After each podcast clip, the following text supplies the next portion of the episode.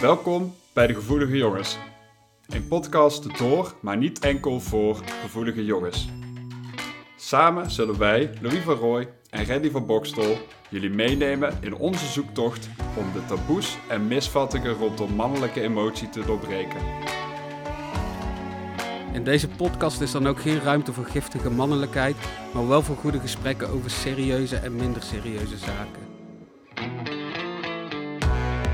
Zet die doos met tissues maar alvast klaar, want echte mannen huilen niet. Die janken.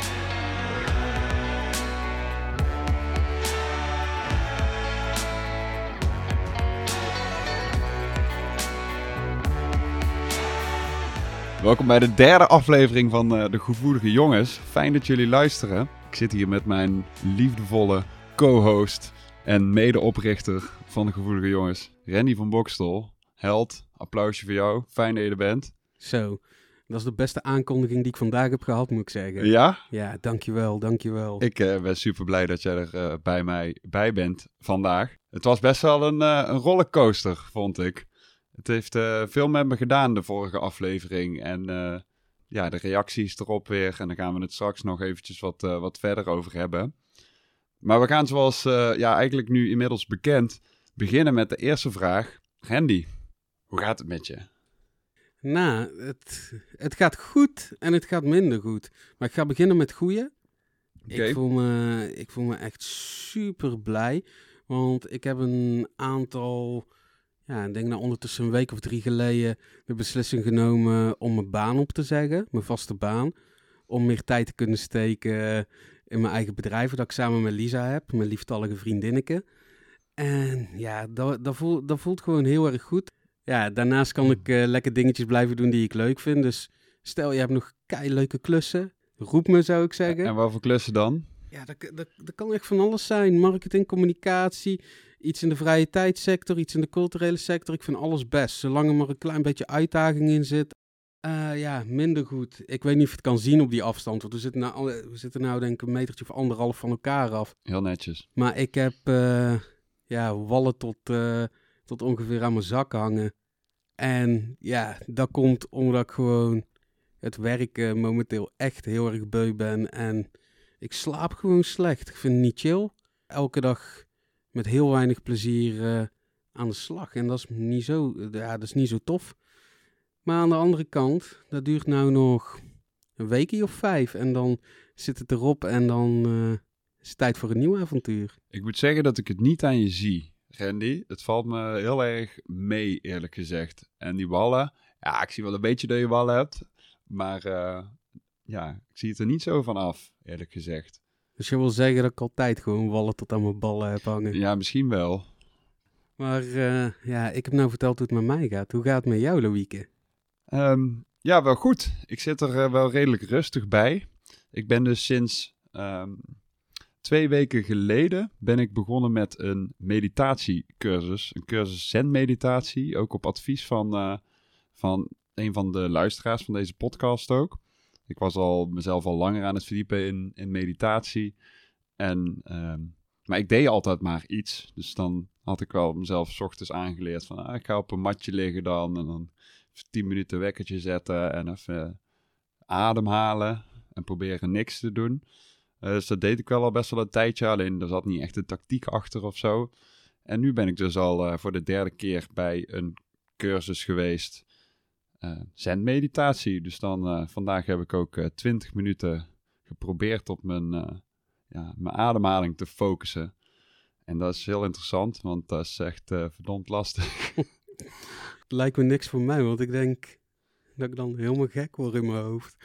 Ja, maar dat is dus ook het proces wat er dan dus plaatsvindt, zeg maar. Van, probeert ergens op te focussen en dan raak je afgeleid en dan kom je erachter van, oh ja, ik ben afgeleid.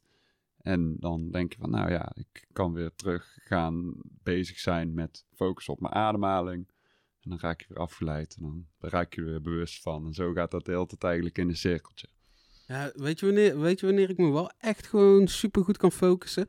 Nou, achter jou staat een home trainer. Hmm. En dan vind ik echt gewoon lekker om op te gaan zitten en dan gewoon constant dezelfde snelheid te blijven fietsen. En hetzelfde ritme te blijven aanhouden. Een beetje net zoals bij krautrock. Gewoon constant hetzelfde ritme. En ja, Daar kan ik mezelf wel in verliezen dan. En Ja. ja, die boksbal is heerlijk. Ja, maar dan zit je heel erg in het moment, toch? Ik weet niet of je dan in een moment zit. Die, die term is voor mij heel abstract. Waar zit het moment zitten? Ja, in ieder geval, ik merk heel erg dat ik als ik aan het sporten ben, ik doe nou best wel veel klimmen de laatste tijd. En dan merk ik eigenlijk ook dat ik soms best wel in een soort van meditatieve toestand kan komen. Omdat ik zo gefocust ben op wat moet ik doen. Dit is mijn, eh, zo zet ik mijn hand neer, zo zet ik mijn voet neer. En ik heb eigenlijk al mijn concentratie nodig om dat goed te doen. Ehm, dat ik soms echt wel denk van, oh ja, nou ben ik echt hiermee bezig en niks anders. En ik heb dat, ja, ik heb dat met sporten vaak. Misschien, ik kan me voorstellen, ik heb het met fietsen ook wel eens, dat ik gewoon echt leeg ben. Dat ik alleen denk van, oké, ik ben nu aan het fietsen. Dus ik ben in het moment. Daar heb ik het ook wel mee. En met muziek. Als ik echt gewoon echt rustig moet horen, dan moet ik gewoon een plaat opzetten die ik heel erg gaaf vind. En dan eh, gewoon me concentreren op een bepaald instrumentje. En dan kijken wat dat instrumentje doet, of dat rare dingen doet. En dan ben je zo gefocust op dat ene ding dat er, niks, dat er voor niks anders in je hoofd nog plek is. Dus ben ik dan ook aan het zen mediteren? Of, eh, Ja, weet ik niet. Maar misschien wel een soort van eh, ervaring van flow zou je kunnen hebben, denk ik. En ik denk dat flow ook sowieso een interessant onderwerp is, waar we het eh, misschien later nog wel eens op zou, over zouden kunnen hebben. Ik denk dus op het moment dat je in een soort van, van flow zit, zit je eigenlijk in een heel erg eh, ja, prettige eh, toestand. En er zijn best wel wat mensen die dat eh, najagen. Ik ben wel benieuwd om daar ook iets meer over te leren, van hoe, de, hoe werkt dat nou? Ja, je, je hebt het over die flow. Dat noemen ze ook wel eens dazone.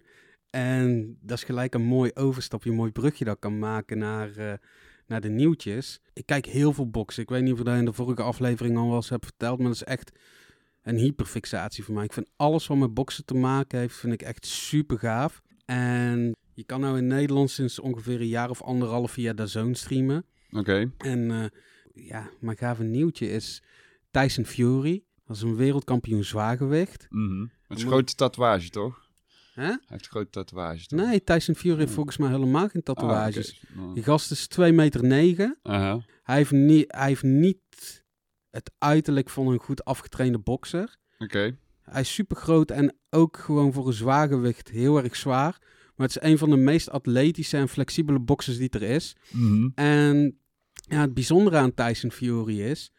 Fury komt echt uit de gigantische macho-cultuur. Uit de traveler-cultuur in, eh, in Engeland. Of volgens mij, volgens mij komen ze voorouderen, eh, voorouders uit Ierland. En ja, het was niet echt normaal om daar over je gevoelens te praten. Tyson Fury is denk ik nou ondertussen een jaar of zes geleden voor het eerst wereldkampioen geworden. Maar op dat moment dat hij wereldkampioen werd, toen, eh, ja, toen ging het helemaal niet goed met hem. Die dat is gelijk een trigger warning in verband met zelfdoding. Maar Tyson Fury werd wereldkampioen en gelijk alles, alle, alle doelen die hij nog in zijn leven had, eh, die, die waren weg. Dus hij zat in zijn, eh, in zijn nieuwe Ferrari, hij reed op een brug, hij is gas gaan geven en ik denk dat hij rond de 250 km per uur zat en hij wou een boom oprijden of ergens van de brug af en toen, ja, toen begon hij keihard te janken en... omdat hij toch liever niet dood wilde. Het ging niet goed met hem. Zijn wereldtitels werden, werden afgepakt. Hij kreeg een heel hoop stront over hem heen. Hij is heel veel drugs gaan gebruiken. Heel veel, heel veel gaan zuipen. Hij was constant van huis af. Eh, zijn vrouw stond op het punt om, eh, om van hem te gaan scheiden. En ik denk dat hij een kilo 50 is aangekomen in, eh, in de tussentijd. Dus iedereen had hem afgeschreven. Toen had hij zoiets op een gegeven moment. Ik wil gewoon gaan boksen. Gewoon boksen omdat ik het leuk vind, niet om weer iets te gaan doen. En hij stapt de boksring eh, weer in, hij gaat weer langzaam trainen. En dan zegt tegen zijn trainer, ik wil tegen Deontay Wilder vechten. En Wilder op dat, was op dat moment een van de meest ontweken boxers die er waren. Die had echt een dodelijke klap. En iedereen zei, dat gaat hem niet lukken, dat gaat hem niet lukken. Er werd om gelachen. Hij had eh, twee partijtjes gebokst. Hij stond tegen Wilder. Wilder sloeg hem echt in de laatste ronde van de wereld af. Hij ligt op de grond, zijn ogen waren dicht. Zijn ogen springen open, hij staat op. En die partij is geheel, ehm, ja, hoe moet ik het zeggen? Ja, geheel onterecht op een gelijkspel geëindigd. Iedereen, eh, iedereen zei gewoon, Fury heeft hem gewonnen. Uiteindelijk heeft Fury vorig jaar, begin 2020, de wereldtitel van Wilder veroverd. eh, door, hem, eh, ja, door hem knock-out te slaan. En afgelopen, ja, het is nou denk ik twee weken terug. Toen, eh, toen zijn ze weer tegen elkaar in de ring gegaan voor definitieve, definitieve winnaar. Wie zou hem twee keer winnen? Wie is nou de echte winnaar van het gevecht? Ze zijn alle twee eh, zijn ze een aantal maal tegen de grond gegaan. Fury heeft gewonnen. Die heeft echt iets ongelooflijks gedaan, want hij was ook zwaar geblesseerd. Is tussendoor naar huis toe gegaan omdat er uh, een van zijn kinderen die net geboren was op sterven lag. En hij, hij, hij heeft het voor elkaar gekregen. Iedereen jubelde. Hij werd op zijn hij werd op een schild gedragen en persconferentie was na de rand. En toen was er een journalist in het publiek. En eigenlijk het eerste wat hij aan hem vroeg was... Tyson, gefeliciteerd. Ben je nu weer van plan om depressief te worden? Echt met een verwijtende stem. En ja, Tyson Fury heeft echt... Die, die, die gast is super grappig als je hem hoort. Die heeft echt een grote bek en die viel zelfs even stil van... Wat is dit nou? Wat voor vraag stel je me nou? Dus ja, dat was, uh, dat was mijn nieuwtje. Dat, dat ik denk van, is er eindelijk een bokser die heel open is geweest over, of een sporter überhaupt, die heel open is, uh, is geweest over zijn struggles. En ja, het eerste wat er dan gebeurt is een journalist die zo'n vraag aan je stelt. Nadat je eigenlijk van, ja, dieptepunten in je leven bent teruggekomen. Ja, slechte vraag. Ja, slechte, niet alleen een slechte vraag, ook een ongevoelige vraag, denk ik. Ik sta er eigenlijk ook niet van te kijken. Jij denk ook niet, maar... Ja, ik, ik ben niet zo heel erg bekend in heel de boxwereld. En ook niet in de box-interviews. Dus ik, ik heb echt geen idee of dat, dat, dat iets gebruikelijks is of zo. Maar het lijkt me een beetje in deze context lijkt het me wel redelijk vreemd. Ja, als je dat, zeker als je daarvan op de hoogte bent, dan uh, denk ik ja had je iets anders kunnen bedenken. hey, maar Randy, ik, uh, ik, ik heb ook nog een ander uh, nieuwtje. En dat gaat vooral over de actualiteit. Um, jij uh, hebt daar, ik weet niet, heb jij wel eens meegedaan eraan? Ik weet het eigenlijk niet. Maar in ieder geval, een, collega van mij, die uh, stuurde mij om 1 november een berichtje. Die zei, hey, het is november. Doen jullie met de gevoelige jongens mee met november?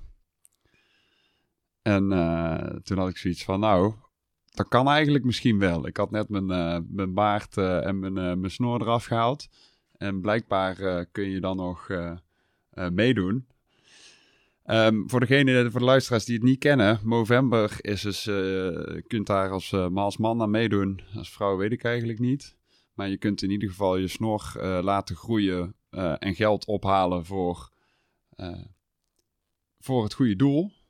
En uh, dat geld gaat dan naar uh, preventie van uh, prostaatkanker, teelbalkanker en mannen met psychische problemen. Goed doel. Maar volgens, volgens, mij kan gewoon iedereen eraan meedoen. Iedereen kan meedoen. Nou, geweldig. Dan kan iedereen meedoen. Dat is mooi.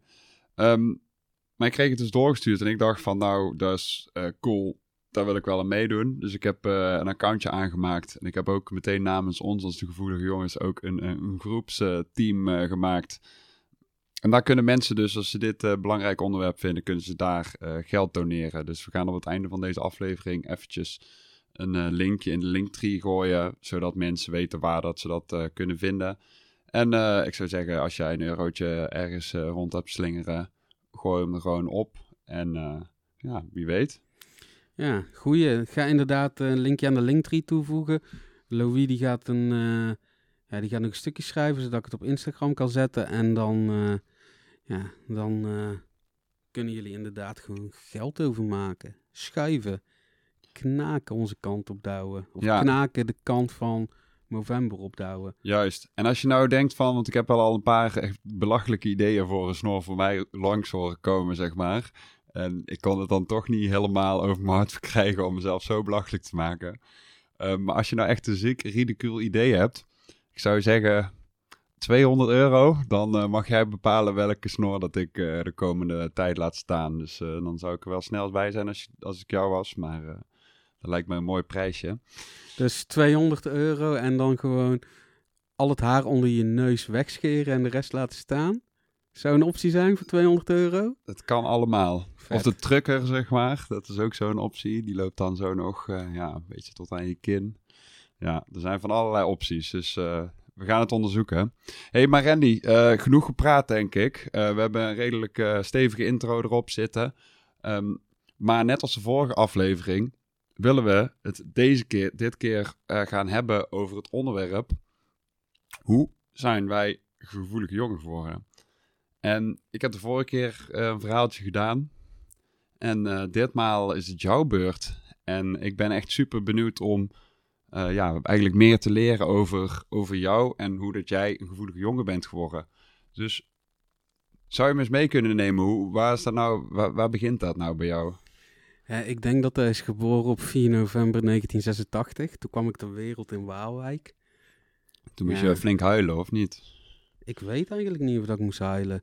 Waarschijnlijk wel, want als je niet huilt, dan hangen ze je ondersteboven en dan geven ze je klap op je kont zodat je gaat huilen. Maar uh, nee, ik, uh, de, dan, moet, dan moet toch wel het begin zijn geweest. Want ik merkte, merkte al snel, vanaf het moment dat ik me eigenlijk uh, voor de geest kan halen, dat ik toch anders was of anders werd behandeld. Aan de ene kant omdat ik heel vaak, heel vaak ziek was. Oorontsteking na oorontsteking, lag vaak in ziekenhuis, noem het allemaal maar op. Maar ja, daar zien mensen niet, uh, niet gauw aan de buitenkant van je. Maar ik was ook al vrij jong, dik. Uh, dat, heeft, heeft, verschillende oorzaken. Bijvoorbeeld de traagwerkende schildklier. Maar dat doet er niet toe wat die oorzaken zijn.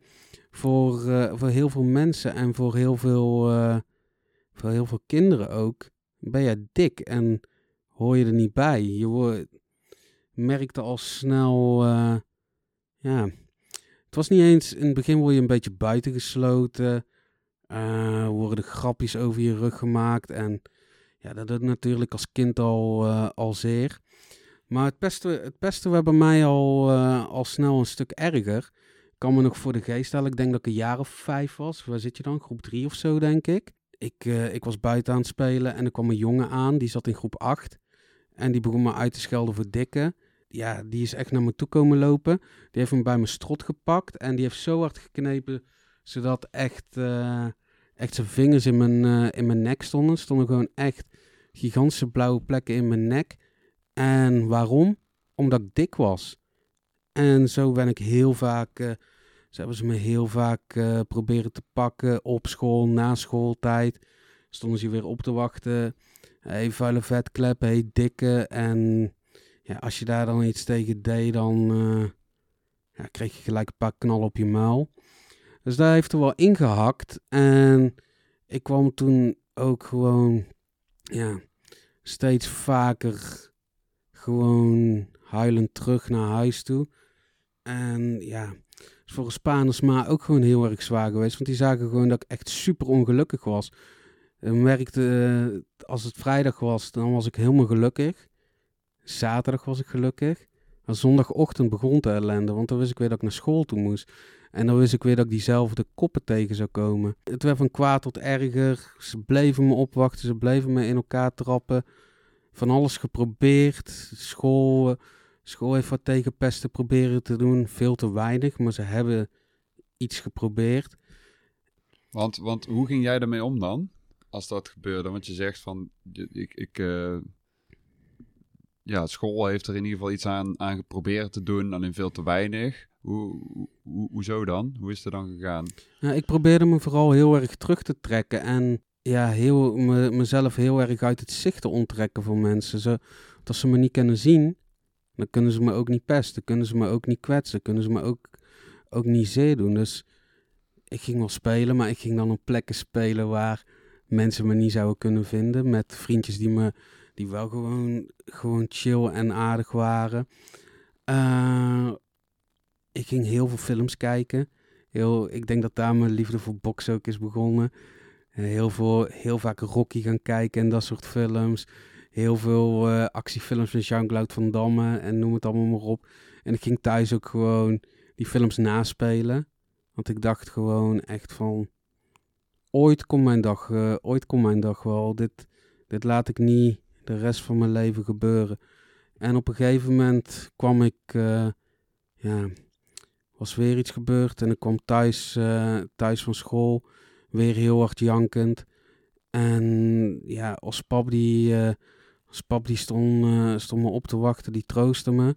hij zei me na het troosten van Randy, als jij nog één keer thuis komt en je hebt niks teruggedaan, dan krijg je van mij nog een trap na. dat klinkt daar heel erg heftig. Want Spa die heeft nog nooit een vinger in zijn leven naar me uitgestoken. Maar dat was voor mij wel echt een, eh, ja, echt een eye-opener op dat moment. Want ik wist als ik niks, uh, ja, als ik niks terug ga, niks terug ga doen. Als ik niet voor mezelf op ga komen. Een ander kan het niet voor me doen. Als ik niks doe, ga ik hier gewoon aan kapot. Dat gevoel had ik als klein kind al. Ik was gewoon zwaar depressief erover. Dus het eerste, het beste wat ik de dag erna heb gedaan, was toen die gastjes uh, me weer stonden op te wachten. Ben ik er naartoe gelopen en heb ik de eerste, de beste, echt een gigantische peer op zijn muil gegeven. En toen kwamen ze er heel snel achter dat het best wel, ja, best wel grappig is om een dik jongetje te pesten. Maar dat zo'n dik jongetje, als die een klap geeft, wel een paar kilo meer achter, zich, achter die klap kan zetten. Dus het pesten was echt heel erg snel over.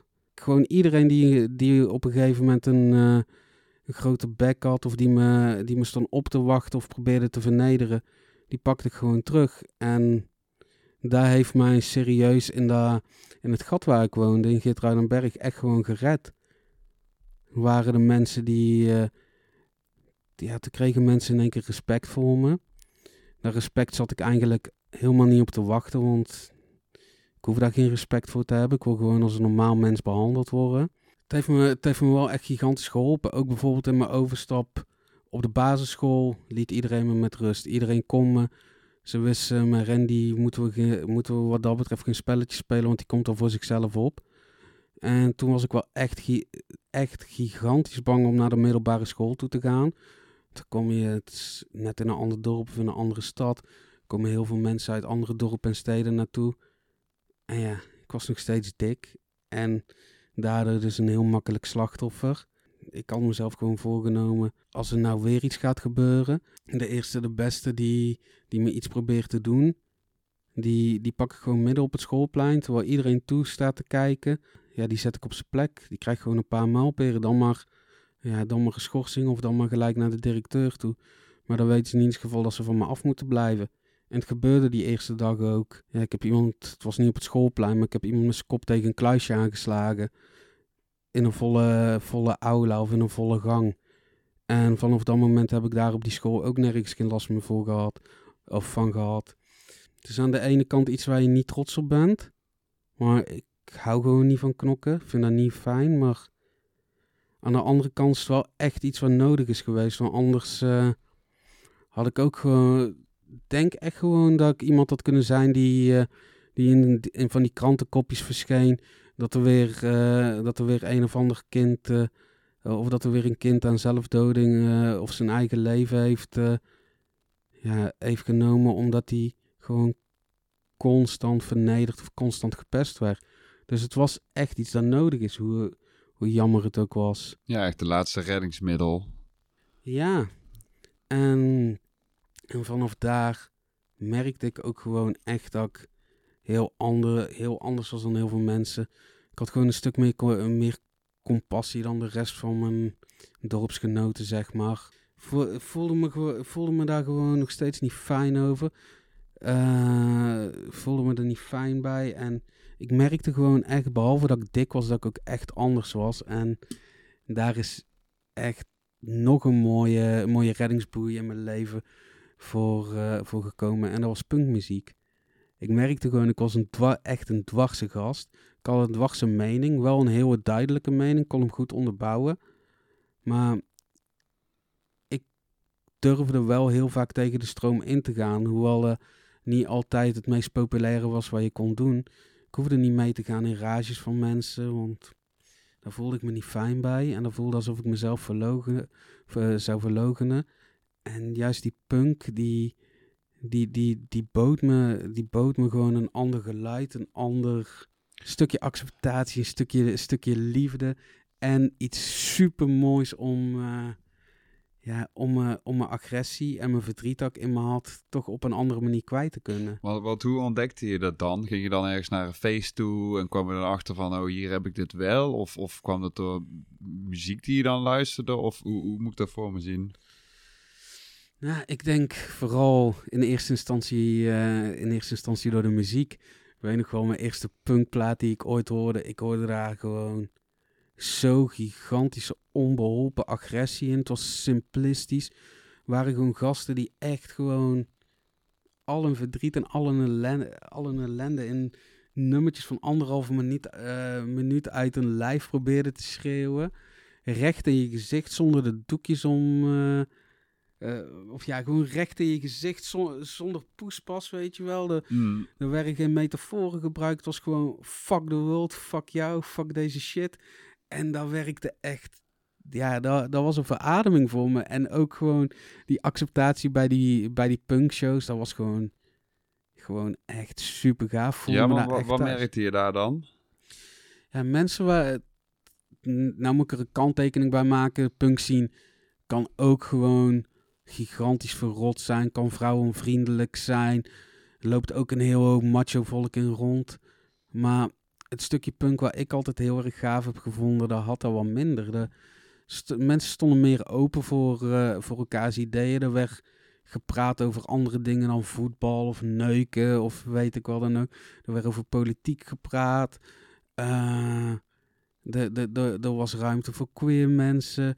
Je zag gewoon mensen die zichzelf echt herkenbaar of op een, op een bepaalde manier ja, aankleden om te laten zien van ja, ik ben wel een onderdeel van de maatschappij, maar de maatschappij zoals jij hem voor ogen hebt, die, uh, die is niet aan mij besteed. Er was een heel hoop creativiteit, heel hoop fijne mensen.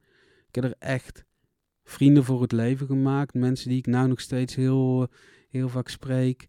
Mensen die echt allemaal stuk voor stuk uit werden gekotst op hun school. Omdat ze raar waren of nergens aan voldeden. Eh, of niet aan het standaard riedeltje voldeden. En die mensen zijn allemaal super creatief geworden. Die hebben allemaal, allemaal littekens op hun ziel staan. Maar die, die zijn toch gewoon iets fijns met hun, uh, met hun leven gaan doen. En al die mensen zijn ook gewoon super fijn en super goed terechtgekomen. En enkele uitzonderingen daar natuurlijk. Maar dat was, dat was fijn. En je merkte ook gewoon. Ik stond er vroeger als gepeste alleen voor. En ik stond er in één keer niet meer alleen voor. Ja. Want je hebt nog een tijd gehad.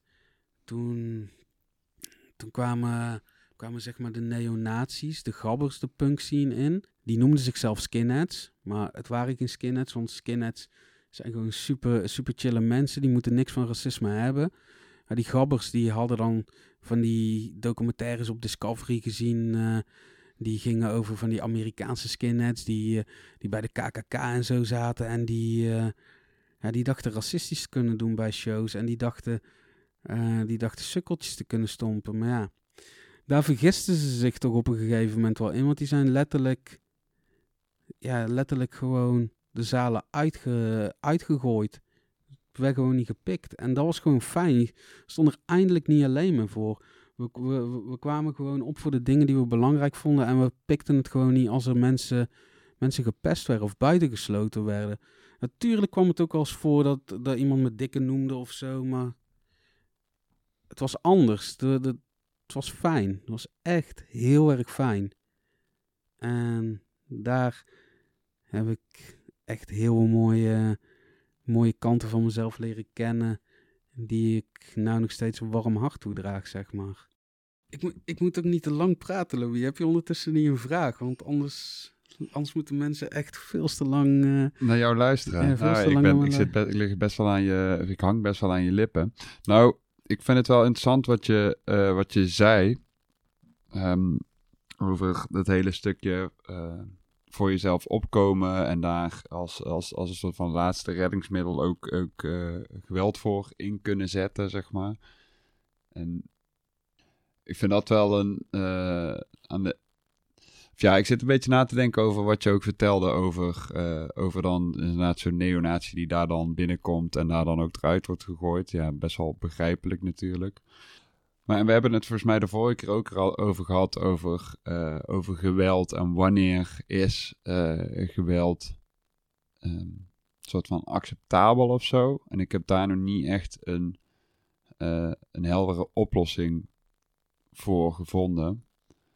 Um, omdat ik zelf vaak het idee heb dat, ik het, dat het probleem juist groter wordt door, door geweld te gebruiken. Alleen in het voorbeeld wat jij toen straks geeft, zeg maar.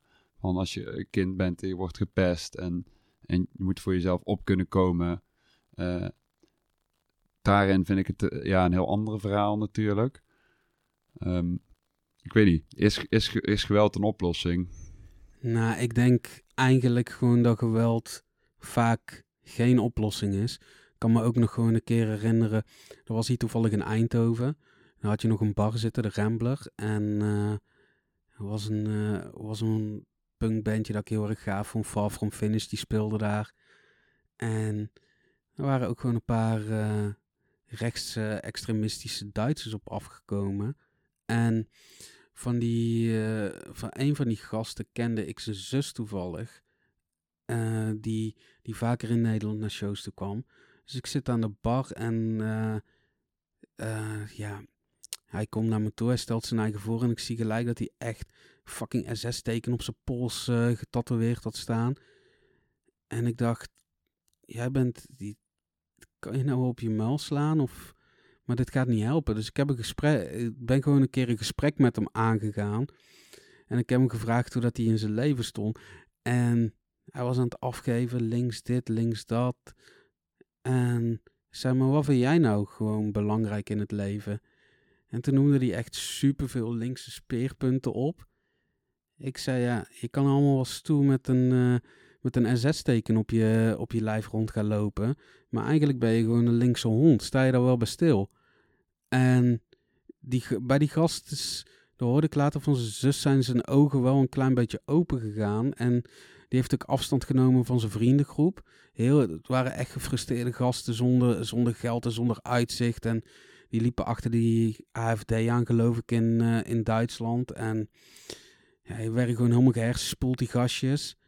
En hij is er toch anders over gaan denken. En volgens mij stemt hij nou ook gewoon links. En heeft hij echt gewoon helemaal gebroken met zijn, uh, met zijn verleden. Toen was hij misschien die avond een paar stampen op zijn muil had gekregen van, uh, van wat andere mensen. Dat hij dan juist meer weerstand uh, had gekregen tegen linkse mensen. Dan dus, duw je iemand nog harder eigenlijk zijn overtuiging in, toch? Dan geef je nog meer reden waarom dat die ander de, de te kwaaien is, zeg maar. Ja, maar vanuit, de, vanuit dat punk is bij mij, uh, ja, begon steeds meer, steeds meer verbanden te leggen. Uh, in, in mijn tijd als punker, begon steeds meer te lezen en ik zag daar heel veel dingen gewoon echt met elkaar verbonden zijn. Alle vormen van onrecht die je, die je in de wereld uh, hebt. Klassisme, seksisme, homofobie. Noem het allemaal maar op. Het is allemaal, uh, allemaal met elkaar verbonden. En het voelde voor mij ook op een gegeven moment niet goed meer om nog, uh, ja, om nog langer eerst dieren te eten. En daarna om geen, geen dierlijke producten meer mee te gaan gebruiken. Dus ik ben, ben veganist geworden. In het begin had ik daar nog best wel veel moeite mee om mezelf veganist te noemen. Had twee redenen. Eentje is omdat ik eigenlijk constant, of nou je heel vaak gewoon het gekat naar je hoofd te krijgen van... Wat de fuck, jongen, mietje, ben je nou veganist? Dus kan je de hele tijd uit gaan leggen aan mensen waarom je veganist bent. En ja, ik heb geen zin om die keuze de hele tijd uit te leggen. Zeker niet aan, uh, aan mensen die, die gelijk vijandig worden als je zegt dat je veganistisch bent. En uh, aan de andere kant, omdat, omdat ik de heel veel veganisten ook best wel ja, validistisch en kortzichtig vind. Zo, uh, Leg eens even uit wat je daarmee bedoelt, want ik ken heel die term validistisch een beetje, maar ik kan me heel goed voorstellen dat er heel veel luisteraars zijn die denken, Randy, waar heb je het over? Ja, validisme is zeg maar uh, uh, discriminatie ten opzichte van mensen met een disability. Het zijn, gewoon, het zijn gewoon mensen die beweren dat zolang je maar gewoon dierlijke producten eet, dat je niet ziek kan worden, dat je niks, of zolang je geen dierlijke producten eet, dat je niet ziek kan worden, dat je niks kan, over, dat je niks kan overkomen. Er zijn zelfs figuren bij die zeggen dat je, dat je autistisch kan worden als je vlees eet. Er zijn zoveel vooroordelen. Die mensen zijn vaak zo kortzichtig. En daar wilde ik mezelf niet mee, niet mee op... Uh, niet mee identificeren. Ja, niet mee identificeren. En zo is het op een gegeven moment ook geweest. Was, stond bij het punkshowtje in Haarlem. En stond te vertellen dat... eh, eh, er stond met iemand te praten dat ik veganistisch was. En er stond iemand anders bij en dat was ook een veganist. En die vroeg echt serieus aan mij... Hoezo ben jij veganistisch? Hoe kom je dan zo dik, gast? Echt gewoon ook op zo'n manier. En ja, toen heb ik gewoon een opmerking gemaakt... dat hij zijn bek moest houden en dat ik hem anders een stamp zijn muil zou geven. Want eh ja, flikken straal gewoon een end op. Maar die... Dat was voor mij echt heel typerend. En, want ik kan blijkbaar als dik persoon, eh, als dik persoon niet veganistisch zijn. En daar werden mijn vooroordelen dus wel echt bevestigd tegenover die groep veganisten in ieder geval. Maar Maar vooral tegenover die persoon dan, toch? Of ja, bedoel, Ja, maar het is, het is het is, niet het, is, meer de het, is, groep? het is best wel breed gedragen. Ook als je nou, eh, als je nou gewoon kijkt eh, in verband met eh, nou, die coronamaatregelen elke keer. eh, op, eh, een heel ge- best wel een opvallende groep van, eh, van de stemmers op Partij voor de Dieren. Die zijn echt tegen elke coronamaatregel, tegen elke, elke vorm van vaccinatie. Want die zijn ervan overtuigd als je maar veganistisch eet, dan kan je niks overkomen. Dan is je weerstand goed en anders is het gewoon je eigen schuld. Serieus, serieus echt een heel, heel rare tendens die je ziet. Dingen die je vroeger uit rechtse monden hoorde, die hoor je nou uit zogenaamd linkse mondjes. eh. Hm. En eh, ja, Maar die, die, echt die extreme polen hebben ook best wel veel eh, gemeen, toch, met elkaar. ja, ze- ja, je In ieder ziet... geval, je ziet daar toch veel meer, veel meer overlap. Dat komt toch vaker voor? Ja, ik zag van de week bijvoorbeeld beelden van eh, een anti-corona demonstratie of anti-corona maatregelen demonstratie in Den Haag. En daar zag ik eh Thierry Baudet op een balkon staan. En ik zag daar Voorpost staan, een extreemrechtse organisatie in Nederland. En naast die mensen van Voorpost stond, eh, stond een groep hippie-veganisten. Dan denk ik van, als jullie al hand in hand gaan lopen, dan is het toch iets goed mis met de wereld op het moment. Maar ja, daar, daar kom ik eigenlijk ook gelijk weer aan via dat veganisme. Ik denk dat dat misschien ook wel een van de momenten is geweest samen met, met, met iemand als Lisa, die me ook heeft doen accepteren dat ik het niet erg vind om dik te zijn. Dat ik die term ook gewoon claim, want ik ben nou eenmaal dik. Ik hoef mezelf er niet voor te schamen, het hoort bij mij. Ik ben aan niemand verantwoording eh, schuldig. En ja, fuck it. Het hoort gewoon bij mij. Ik ben er trots op. Ik kan er wel de rest van mijn leven verdrietig om zijn of me, me bij, de pakken, bij de pakken neer gaan zitten en van dieet naar dieet gaan en alleen maar ongelukkiger worden. Maar dat gaat deze jongen niet meer doen. Ik heb ervoor gekozen om gelukkig te worden en het te, te omarmen. Dus van de, de, ik maak altijd een image description als ik iets op Instagram zet. Staat bij mij ook gewoon altijd bij Randy, dikke gast. Of dikke jongen, dikke man.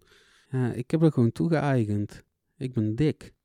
Je doet er maar mee. En als je er problemen mee hebt, dan zijn die problemen vooral jouw problemen, maar niet die van mij.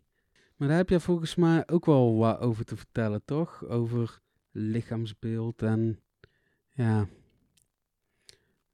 wat daarmee je kan doen. Nou, ik vond het wel een interessante, want ik kreeg dus van eh, mensen in mijn omgeving terug, omdat er dus inderdaad die beschrijvingen onder die foto's staan van... eh, eh, en er stond dan ook bij van eh, Louis is een magere gast. En toen zat ik zelf na en ik, en mij was het nog niet eens echt opgevallen, eerlijk gezegd. Ja, maar jij zit ook niet op Instagram, Louis. Nee, ja, maar ik heb het wel, ik heb de beschrijvingen wel lang zien komen. Dus ik dacht van ja, ik heb er verder niet heel erg bij stilgestaan.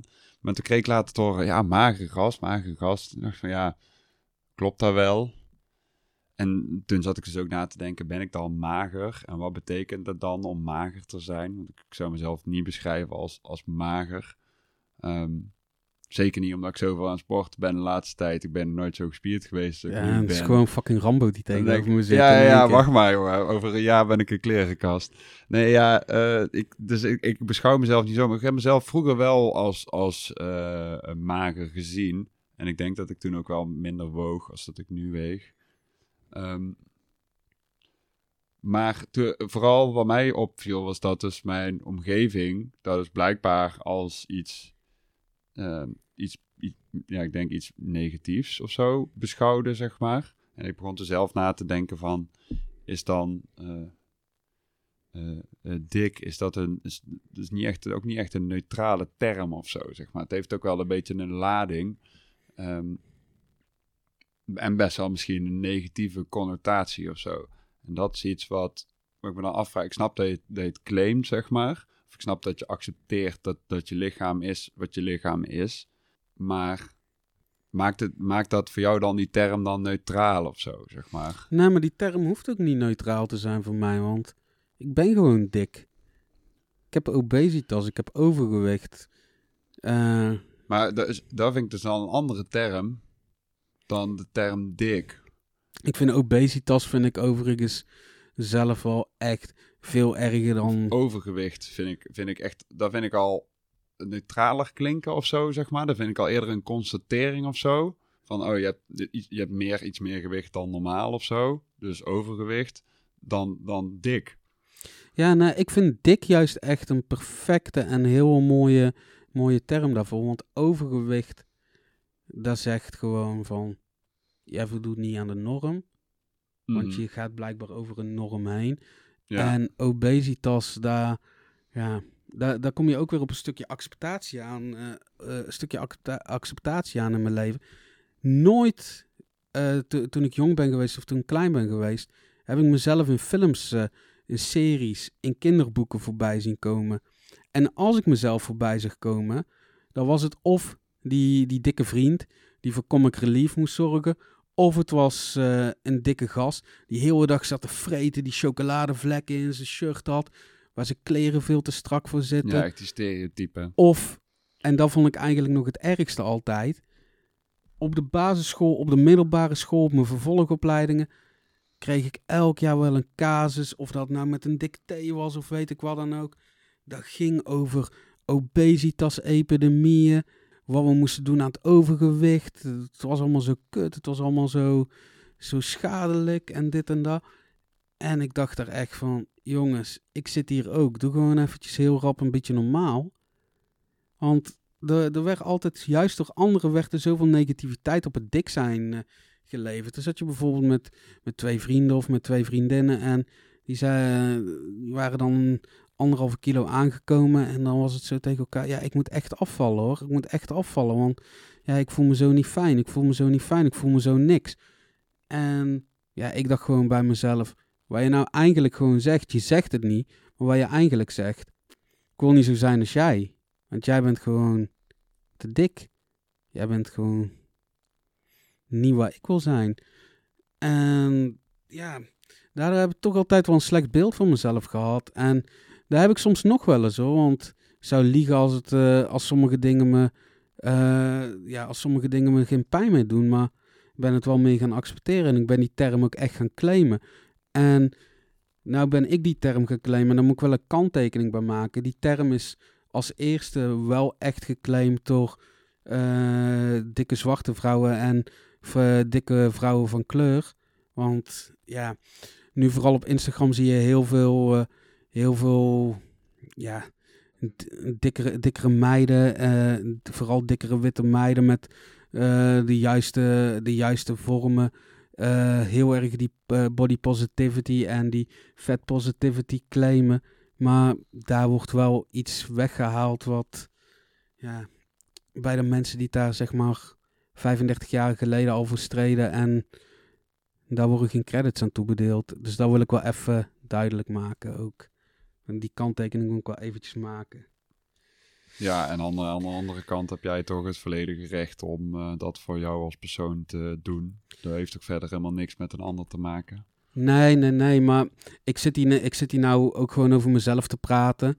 En ik kan, wel, ik kan wel gaan doen alsof dit echt helemaal vanuit mezelf komt. Maar als die mensen het voorwerk nooit voor me, voor me gedaan zouden hebben, dan, uh, ja, dan had ik het misschien ook niet geaccepteerd. Dus die, het is goed om af en toe de credits te geven aan de mensen die, uh, ja, die, die er echt voor hebben gestreden. Ja, er ligt vaak uh, onzichtbaar voorwerk aan de dingen die je zelf uh, soms bereikt.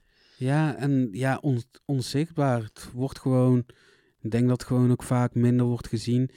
Eén, omdat het vrouwen zijn en twee, omdat het vrouwen van kleur zijn die, ja, Er wordt heel veel, er wordt heel veel geleend uit, eh, uit andere culturen, maar de credits die gaan er nooit naartoe. En dat is verwerpelijk. En daarom wil ik die kanttekening wel maken.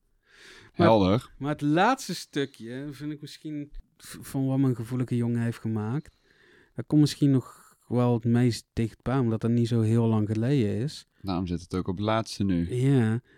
Uh, rouw en burn-out. Ik denk dat nou ondertussen vijf jaar geleden dat ik te horen kreeg uh, dat, mijn, uh, dat mijn moeder kanker had, had longkanker. En op dat moment dat je zoiets te horen krijgt, dan, ja, dan zakt de, zakt de wereld even onder je voeten weg. En dan weet je gewoon even niet zo heel goed waar je met jezelf aan moet. Ja, dat had ik op dat moment toen ik het hoorde wel. Het kwam echt als een klap, uh, klap op mijn hartjes binnen. En ja, ik ben, ben snel op moeten staan en ik heb me snel moeten herpakken.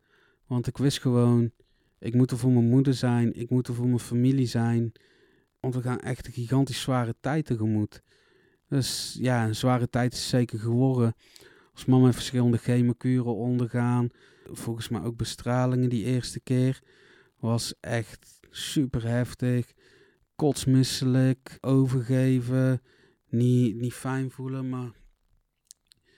Ja, gelukkig ging het, uh, ging het al snel uh, ja, in remissie. Trok het terug. kwam een heel klein beetje, kwam een heel klein beetje ademruimte ja, het heeft niet echt super lang geduurd voordat het nieuws kwam dat, uh, ja, dat de kanker terug was. Ik kan me nou echt nog super goed herinneren. Dat is nou in januari vier jaar geleden. Oma was, mijn oma was overleden.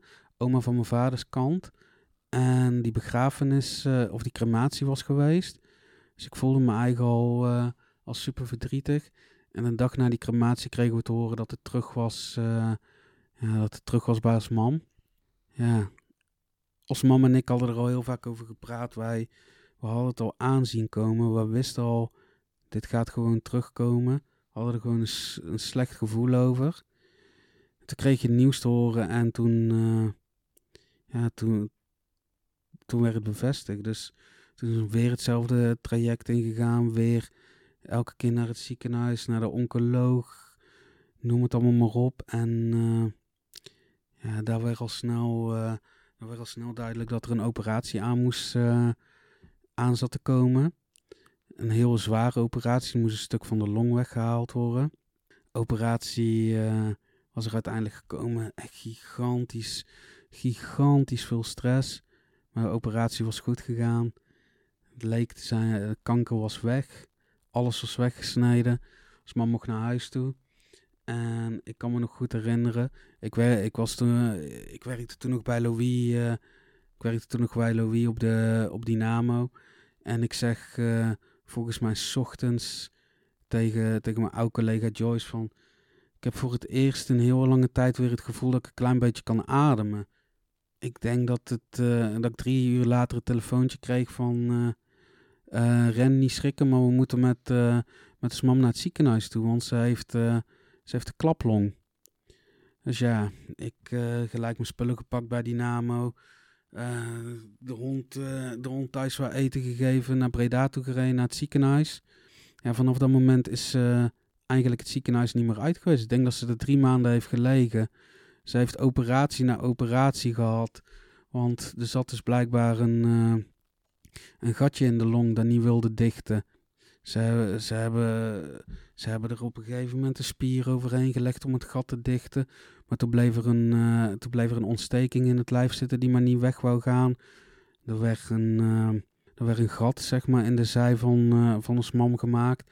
Waar ze elke dag proppen met, met papier en jodium in stopte. ja, dus die, het was echt een heel, heel intense tijd, heel intense tijd volgens mam en voor ons allemaal. Gelukkig heel veel mooie gesprekken ook gehad. Ook gesprekken over leven en dood. Die we eigenlijk daarvoor nooit, nooit gevoerd hadden. Omdat ons mam en ik toch wel, denk ik, vanaf het begin af aan het gevoel hadden van... Die, die dood, die, die, die, die, ligt, die ligt op de loer en die, en die gaat er komen. Wanneer die komt, weten we niet. Maar het zal nooit langer dan, uh, ja, dan een paar jaar gaan duren. En toen leek er, eh, toen leek er de oplossing te zijn gevonden. De, de, er zou een, zou een speciale, speciale plug besteld worden. Ze in de long konden aanbrengen en ja, daar zou een gat mee, gat mee gedicht gaan worden. En dan zou alles, uh, alles vanaf dat moment weer goed komen. Dus ik ben ze op, volgens mij op zondagavond nog samen met ons pap uh, uh, en Lisa samen in het, in het ziekenhuis in Breda geweest. Als mama had de eetlust weer een beetje terug. Die had volgens mij nog een biefstukje gegeten. Dat was kei gezellig en kei fijn. En ja, dinsdag, dinsdagochtend belt de spa van hey Ren, je moet, ik ben net door het ziekenhuis gebeld. Ik moet, moet naar het ziekenhuis toe, want ons man moet, moet weer geopereerd worden. Hij zei, wacht nog maar heel veel thuis. ik bel wel op het, moment, op het moment dat ik wel weet.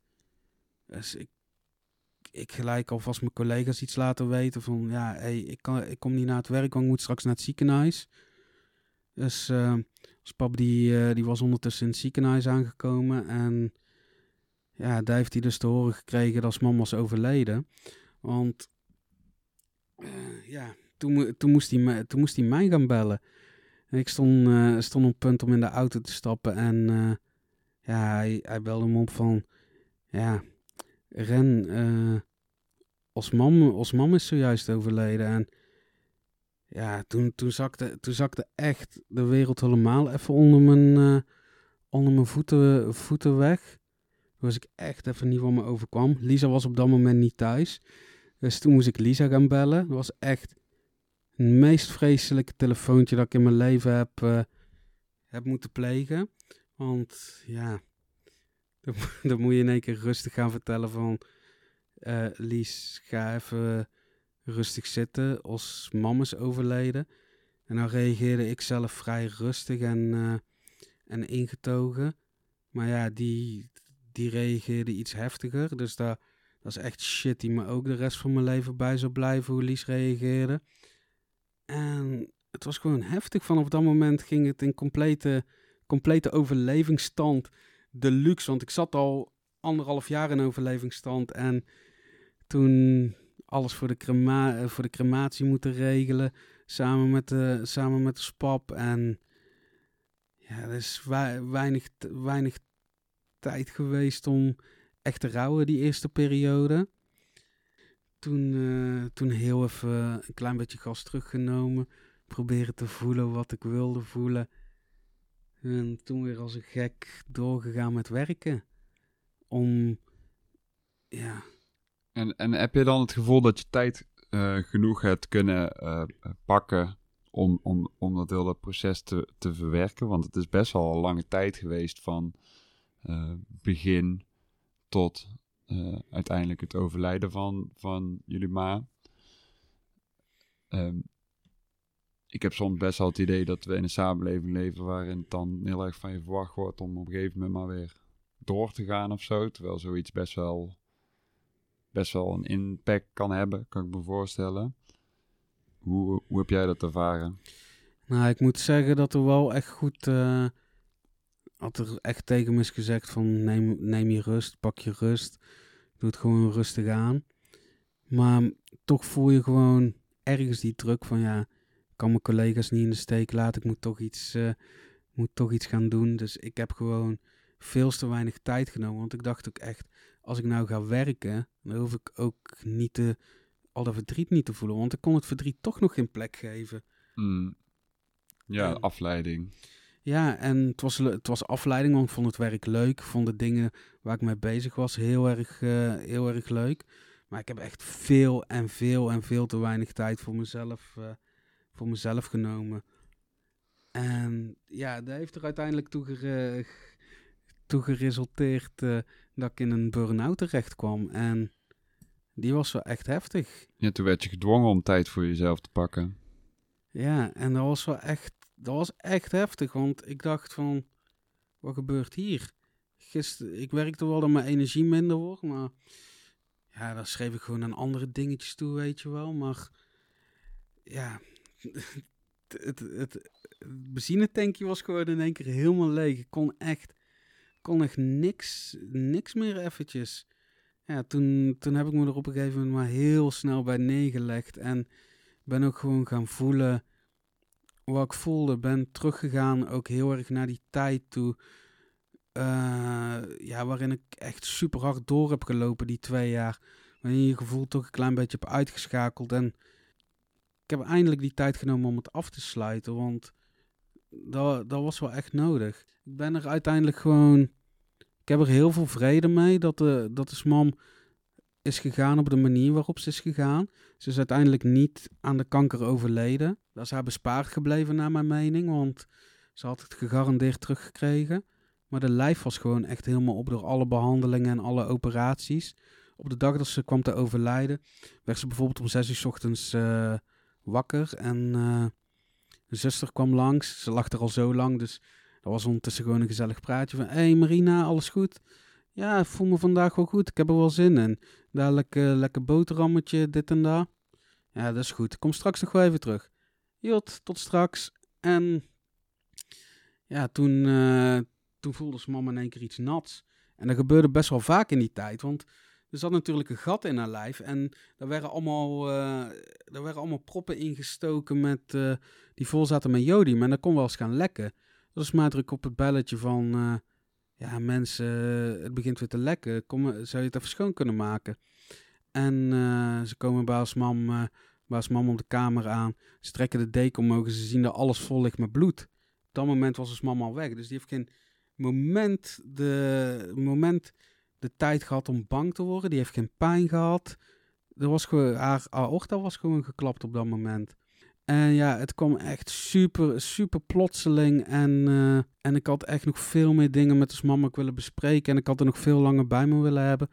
Maar ik heb, uh, ik ben blij dat, voor haar dat het zo gegaan is. En, hey, en uiteindelijk kwam jij dus in die uh, burn-out terecht. Wat heeft jou daarin dan geholpen om, want wat je zegt van toen ben ik het eigenlijk, ben je het eigenlijk pas echt een plekje gaan geven als ik het goed hoorde. Ja, veel, veel muziek luisteren. Veel, gewoon veel die dingetjes terughalen. Ook gewoon echt bewust teruggaan naar die, naar die periode en gaan kijken wat er toen allemaal, wat er toen allemaal speelde in mijn hoofd. Wat er uh, dingetjes die ik misschien uh, ja, ergens weggedrukt had, er veel over gaan praten ben ook gewoon in therapie gegaan. Dus ja, ik heb echt gewoon, ik heb echt de tijd voor mezelf genomen. En ik ben ook gewoon sommige dingen echt die proberen te accepteren. Want ja, het rouwen, als je echt heel veel om iemand, uh, als je echt heel erg veel om iemand geeft, dan voelt het toch op een gegeven moment als diegene uit je leven is, alsof het, uh, het dak van je huis is afgeslagen en, het, constant een heel klein beetje binnenregent. En ja, dat gevoel mag te zijn. Daar, daar moet je niet voor weglopen. Dat, dat verdrieten zal je de rest van je leven bij je, bij je blijven dragen. Maar het is aan de andere kant ook echt heel mooi, omdat ik er wel, ja, wel heel mooie herinneringen aan heb. Mooie herinneringen aan ons mam. Mooie herinneringen aan de dingen die we samen hebben gedaan. En als het een beetje binnen blijft regenen, dan moet je af en toe maar een parapluutje opdoen. En het gewoon accepteren. Want gewoon accepteren dat je niet lekker in je vel zit. Accepteren, de, accepteren dat je verdrietig bent en je gevoelens echt proberen te voelen. Dat is gewoon, denk ik, de belangrijkste stap die ik in mijn leven heb kunnen maken. Ja, in die burn-out is er geen tijd om te vluchten, is er geen energie om te vluchten. Dus dan kan je maar beter goed de tijd benutten om, uh, om te voelen wat je moet voelen, zeg maar. Voordat je die dingen weer wegstopt en, uh, en zodat ze je later in je leven nog een keer in kunnen halen. Ja. Dus ja, dat. Heftig om het weer allemaal te vertellen zo. Ja? Ja. Wat verder heftig aan? Ja, gewoon ja, wat er, wat er vooral heftig aan is, je, als je er zo over praat en je, en je bent gedetailleerd, dan, dan zie je dingen ook weer voor je. Uh, jullie kunnen de ruimte niet zien waar je hierin zit, maar in de tijd stond er nog een andere kast naast me. En ik weet bijvoorbeeld precies waar ik stond op dat moment. Precies waar ik naar keek op het moment dat ik te horen kreeg dat als, uh, dat mam kwam te overlijden. Ik weet precies hoe ik daarna op de bank ben gaan liggen en de hond aanvoelde dat ik echt super verdrietig was en in mijn nek kwam liggen. En er pas uit is gekomen op het moment dat Lisa een uur later vanuit Arnhem hier terug was. Al die dingen die komen gewoon weer naar boven. Ook al die dingen uit het ziekenhuis. De, de, de, ge, de geur van de, de geur van de ontsmettingsmiddelen, de geur van uh, uh, het geluid van, van, de, van de machines waar, de waar die chemozakken aan hangen. Alles komt op zo'n moment weer terug. Dus je voelt het gewoon echt heel erg heftig. Je gaat gewoon opnieuw beleven, zeg maar. Ja. Dat is het heftige eraan. Ik, uh, ik wil je wel in ieder geval super erg bedanken dat je dit zo open durft te delen. Want ik ken jou natuurlijk wel enigszins. Ik, weet, ik weet wel een deel van, van wat je mee hebt gemaakt en wat je struggles zijn geweest daarin. Um, maar je kent nooit iemand zijn hele verhaal. En ik denk dat je best wel, uh, best wel een uh, ja, best wel diepgaande weergave hebt gegeven van wat je zelf hebt meegemaakt. En ik denk dat de onderwerpen en de thema's die hieronder liggen, Ehm, misschien allemaal zelf nog wel een eigen aflevering uh, verdienen in de toekomst. Dat, dat denk ik ook. Want als je het hebt over zelfbeeld, pesten, nou die hele punkbeweging, jezelf afzetten tegen, tegen de norm. Ehm, met ook het veganisme is daar ook een, een voorbeeld van. Of in ieder geval is ook een soort van protest van... hé, hey, ik, ik kaart het aan, ik ben het daar niet mee eens. En het stuk uh, rouw en burn-out. Ik denk dat het allemaal stuk voor stuk thema's zijn. waar, dat, weet ik, dat weet ik al zeker. Waar, waar heel veel mensen die luisteren uh, mee dealen. En waar we echt per, per onderwerp gewoon, denk ik, nog makkelijk dieper op in kunnen gaan. Dus echt super thanks voor het, voor het delen, man. Ja, geen dank. Maar voor, voordat we verder gaan met... normaal gesproken komen we dadelijk met zo'n call to action, weet je wel. We willen toch ook gewoon wel leuke dingen uit die periode nog delen. Omdat echt gewoon anders zo gitzwart is en dat je met zo'n... Ja, anders missen we ook een paar luisteraars. Ja. die willen alleen maar leuke dingen horen. Nou, dus we moeten even leuke dingen erin zetten, Randy. Nou, waar, waar, ik bijvoorbeeld heel erg typisch vond, Osma, die, die, die zou al zo lang... Uh, zolang dat ze, zolang dat ze leefde, die zei ja, als ik ooit doodga, dan moet je, dan moet je voor me die shit gaan draaien van uh, die zien we nooit meer terug. Hebben we uiteindelijk niet gedaan. Maar rondom, rondom die crematie zijn er wel een paar echt super grappige dingen gebeurd. Je had best wel, best wel theatrale tante, die heel erg theatraal is in de, in de verdriet. En die, ik stond, ik stond naast als mam die opgebaard lag en die vliegt me om, uh, uh, om mijn nek. En ja, dat hoeft voor mij allemaal niet zo op die manier, uh, zeg maar. Mm. Maar ik heb een tunnel in. En ze drukt die tunnel uit. En die glijdt zo onder de tafel door. Oh. Waar, waar Osma op lag. Dus toen kon ik onder, onder die tafel gaan liggen om die tunnel te halen. Dat vond ik op zich al best wel hilarisch om, uh, om eerlijk te zijn. En ja, Ospap. Ospap is ook dik. En die heeft echt een kogelbuik. Echt zo'n super harde... Uh, hij drinkt geen bier, maar echt gewoon zo'n typische bierpens. En die wil, uh, die wil vlak voordat we, de, voordat we de kist gaan sluiten. Wat trouwens ook nog super raar is. Ik heb echt schurft aan mijn verjaardag. Want uh, op mijn verjaardag heb ik, uh, heb ik uiteindelijk de kist van ons mam gesloten. En daar, daar heeft die dag toch wel een beetje, beetje vernacheld. Maar als pa wil ons mam nog een kus geven. En die gaat tegen die kist aan hangen. En hij duikt met zijn buik bekant die kist van het plateau af. Ja, toen kon je me, je, zit met keihard verdriet in je, met keihard verdriet in je lijf, maar toen kon je me echt, uh, ja, toen kon je me gewoon echt, uh, echt opvegen. Dat je ziet, god, je ziet het al gebeuren, man. Dat er in één keer zo, ja. woppetee, bats. Ja. ja. Dan kun je die kist omhoog gaan halen. Nee, ik vind het altijd wel mooi hoe dat, dat soort uh, vieringen, dus afscheid, crematie, begrafenis, dat dat ook altijd, in ieder geval wat ik mee heb gemaakt, ook heel erg mooie en ook uh, ja, heel, mij ook heel vaak heel blij heeft gemaakt. Natuurlijk is het super verdrietig. Um, maar een voorbeeldje daarvan, wij hebben bij um, opa en oma van mijn moeder, of in ieder geval mijn opa en oma en haar vader en moeder, hebben we allebei de kisten hebben we zelf gemaakt met de kleinkinderen.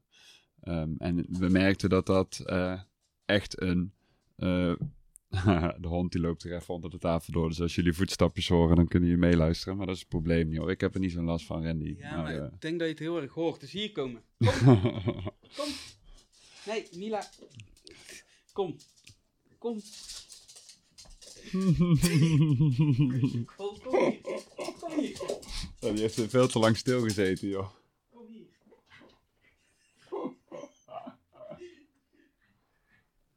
Daar gaat liggen. Oké, nou, dat komt wel goed. Nee, maar wat ik dus aan het vertellen was, is dat ehm, rondom zo'n begrafenis, dus ook altijd, of crematie of whatever, er ook altijd een hele hoop mooie dingen eh, gebeuren. En we hebben dus de kist van ons eh, oma, opa en oma hebben we zelf gemaakt. En dat was voor ons echt zo'n eh, verbroederend moment, omdat we dat gezamenlijk deden. En eh, ja, het is eigenlijk het moment waarop echt heel met, ja, met heel de familie eigenlijk bij elkaar waren om dat te doen. Of in ieder geval met de kleinkinderen. En eh, ja, dat is gewoon iets heel moois. En ik vind dat altijd wel het, het, het mooie om te zien ergens. Dat je dus ergens inderdaad dat verdriet met elkaar deelt. Maar dat je aan de andere kant ook echt het, het, het, het vrolijke hebt, weet je. Hey, ga er mee, mee kletsen. Kom, kom eens hier. Nee, Mila. Hier. Hier.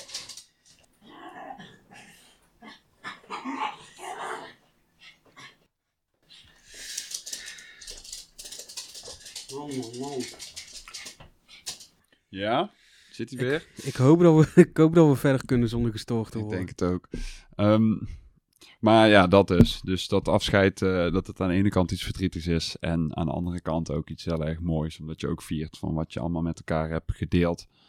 Ehm, Randy, ik denk dat we eh, daarmee dat stukje eh, afronden. Of heb jij nog iets wat je heel erg op je hart ligt? Want dan kan nee, het ook altijd Nee, nog. nee, Ik denk dat we gewoon verder moeten gaan, want we zitten... Oh, we hebben best wel lang gepraat, volgens mij. Ja, heb maar ik vind, het, ik vind het fijn dat we daar de tijd voor hebben kunnen nemen. En het is wel grappig, want we kregen dus eh, best wel wat reacties dat ze het heel erg fijn vonden dat we heel erg duidelijk die structuur aan hebben gehouden. Nou, volgens mij zit die structuur er nu ook nog steeds in. En ik vind het dus eigenlijk ook helemaal niet erg om op het moment dat wij eh, eh, ja, gewoon een goed onderwerp te pakken hebben.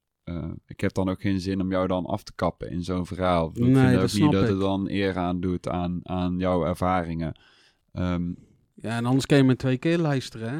Ja, weet je, daar is het inderdaad ook. Het is niet dat je het in één zit moet luisteren, dus eh, eh, nee, dat verplicht niemand. hey, we hebben een aantal reacties.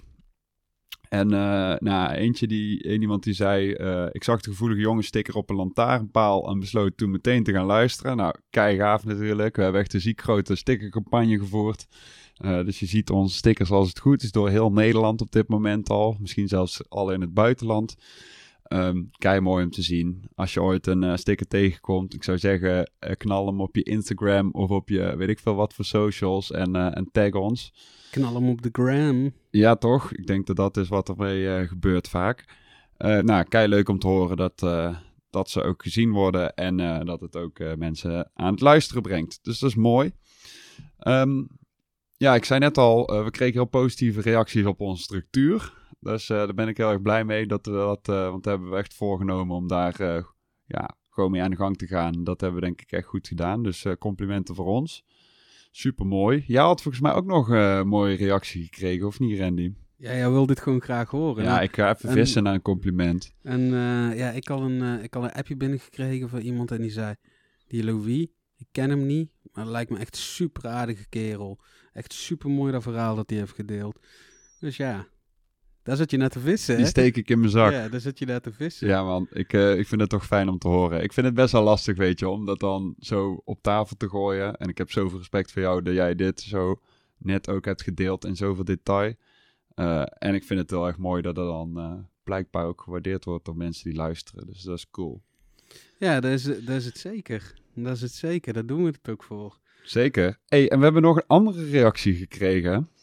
Ehm, en dat is een, eh, een spraakbericht. Dus ik denk dat we daar even naar moeten gaan luisteren. Hey, gevoelige mannen. Een oproep eh, om voice memos op te sturen kan ik niet aan me voorbij laten gaan. Dat vind ik hartstikke leuk. Dus bij deze. Ehm, in jullie tweede aflevering werd ik gegrepen door jullie zoektocht naar wat is nou eigenlijk een gevoelige jongen.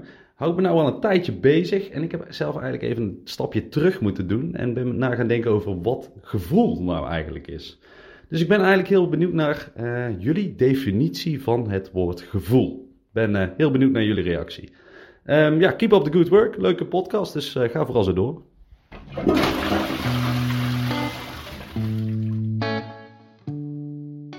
Ik moet zeggen, ik, ik heb ook gewoon heel vaak de meest filosofische vragen.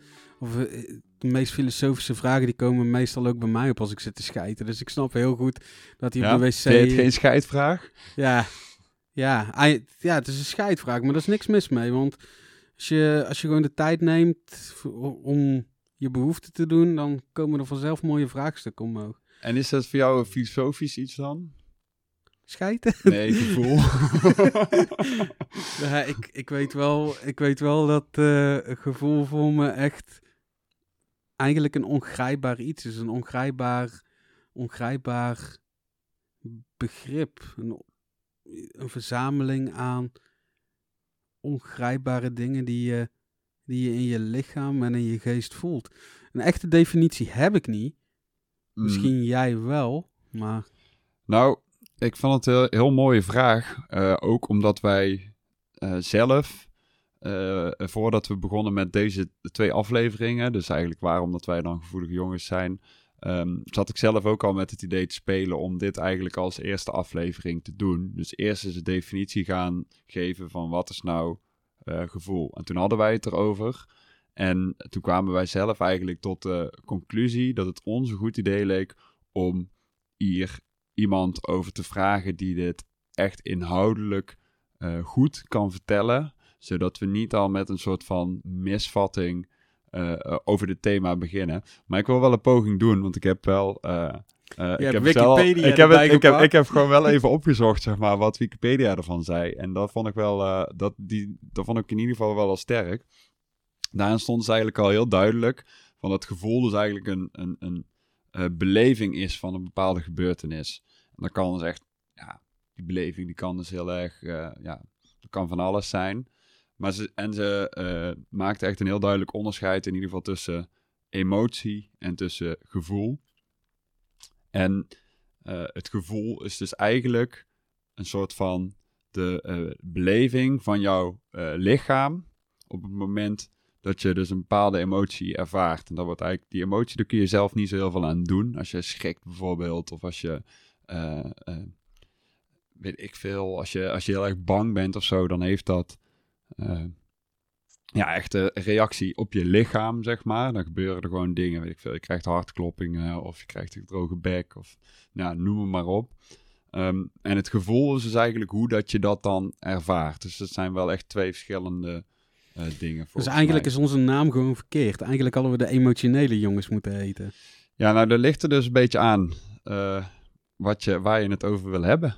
Gewoon van alles. Want het zijn dus wel twee verschillende uh, begrippen, als ik het zo goed heb gelezen. En het wordt dus vaak uh, als dezelfde, hetzelfde iets gebruikt, maar het is niet hetzelfde. Ja, kijk, daarom is het gewoon ook verstandig om daar iemand voor uit te nodigen. Wij hebben het er al over gehad. Ik heb wel iemand over uh, op het oog. Die kunnen we gewoon ook van de week wel eens een, ber een berichtje gaan sturen. En uitnodigen of dat ze een keer met ons om tafel wil gaan zitten. Ja, lijkt me supergoed. Lijkt me ook echt een goeie. Ik denk sowieso dat we echt nog vet veel verschillende mensen uit kunnen gaan nodigen in de toekomst om dit gesprek verder te gaan voeren. Want wij kunnen natuurlijk wel iets ervan vinden. Alleen ik denk dat het nog veel interessanter gaat worden als we ook nog andere perspectieven erbij gaan betrekken. Dus dat kunnen jullie ook verwachten van ons in de toekomst. Ja, want we hebben natuurlijk al. Ik, ik heb hem nou niet. Ik heb me slecht voorbereid. Ik heb hem nou niet voor mijn neus liggen. Maar we hadden natuurlijk die startpunt van die ja, fluïde definitie van wat is een gevoelige jongen.